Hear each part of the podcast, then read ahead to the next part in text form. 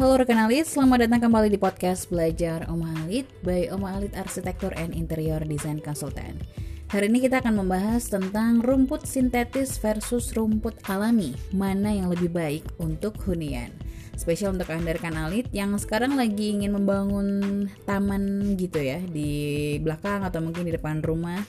Dilansir dari mediaruang.com, rumput termasuk salah satu elemen penting pada sebuah hunian. Terutama kalau rekan Alit ini punya rum, uh, taman rumah gitu ya. Mengingat tamannya cantik ini biasanya nggak lepas dari peranan rumput yang hijau yang terawat dengan baik. Nah, mengingat dari rumput ini punya dua jenis yaitu yang alami dan juga yang sintetis. Kedua jenis ini ternyata punya kelebihan dan kekurangan masing-masing. Jadi nggak sedikit pula uh, rekan alit yang bingung untuk memilih jenis rumput yang tepat buat dekorasi rumah. Nah, sebagai bahan pertimbangan nih, hari ini kita akan sedikit mengulas mengenai plus dan minusnya dari kedua jenis rumput tersebut. Kita bahas ke rumput sintetis dulu ya. Rumput sintetis ini merupakan rumput buatan yang biasanya dibuat dari plastik.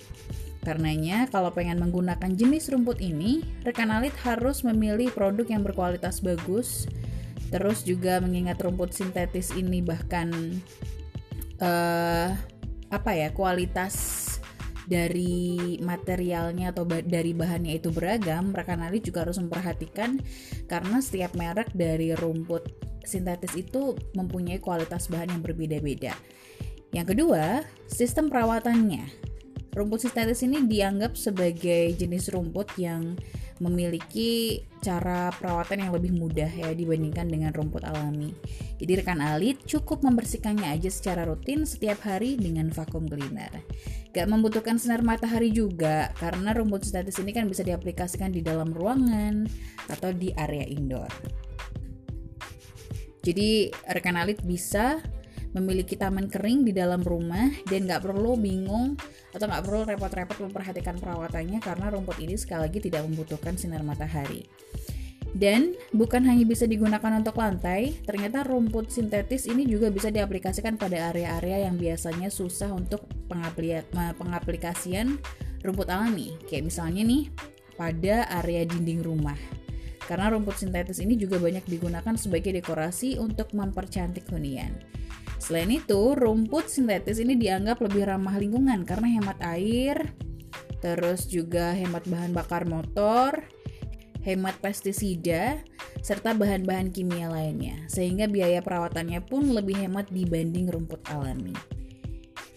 Selain itu, kelebihan lainnya dari jenis rumput sintetis, kalau pengen punya rumput yang tahan lama, ini rumput sintetis bisa menjadi pilihan yang tepat ya buat rekan alit karena rata-rata ini bisa bertahan 8 sampai 15 tahun. Jadi cukup efisien ya, apalagi kalau semisal rekan alit memilih jenis rumput sintetis yang disertai dengan kartu garansi dan customer service pastinya bisa membantu rekan alit dalam maintenance-nya. Selain itu, di samping jenis rumput sintetis, ada juga jenis rumput alami yang kita tahu ini biasa ditemukan di banyak tempat ya. Nah, rumput alami buat taman ini juga punya kekurangan dan kelebihan.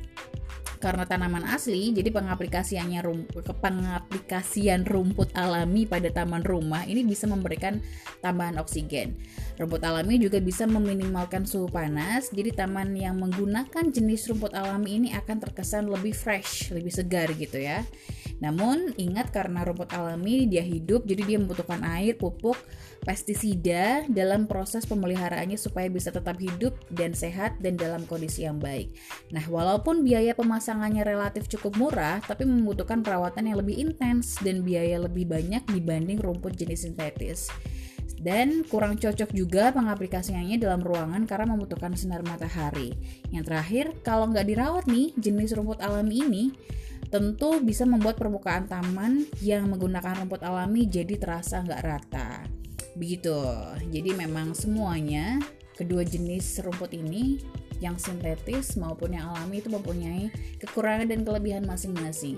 Semoga rekan Alit bisa mengambil atau memutuskan dari ulasan kita hari ini kira-kira dari kedua jenis rumput ini mana yang lebih uh, cocok buat taman rekan Alit dan mungkin mana yang kira-kira paling bisa uh, rekan alit gunakan sesuai dengan kemampuan rekan alit dalam merawat ya. mungkin akan lebih mudah kalau yang simple-simple gitu kan apalagi buat rekan Alit yang punya kesibukan gitu ya Semoga bermanfaat buat rekan Alit. Sampai jumpa di podcast Belajar Om Halit selanjutnya. Jangan lupa follow fanpage kami dan Instagram kami di @omhalit dan subscribe YouTube channel kami di omalit underscore interior. Save nomor WhatsApp dan telepon kami di 085 104 8853333. Rekan Alit bisa berkonsultasi secara gratis dengan menghubungi nomor tadi ya. Sampai jumpa di podcast selanjutnya. Om Alit, better living for today and tomorrow.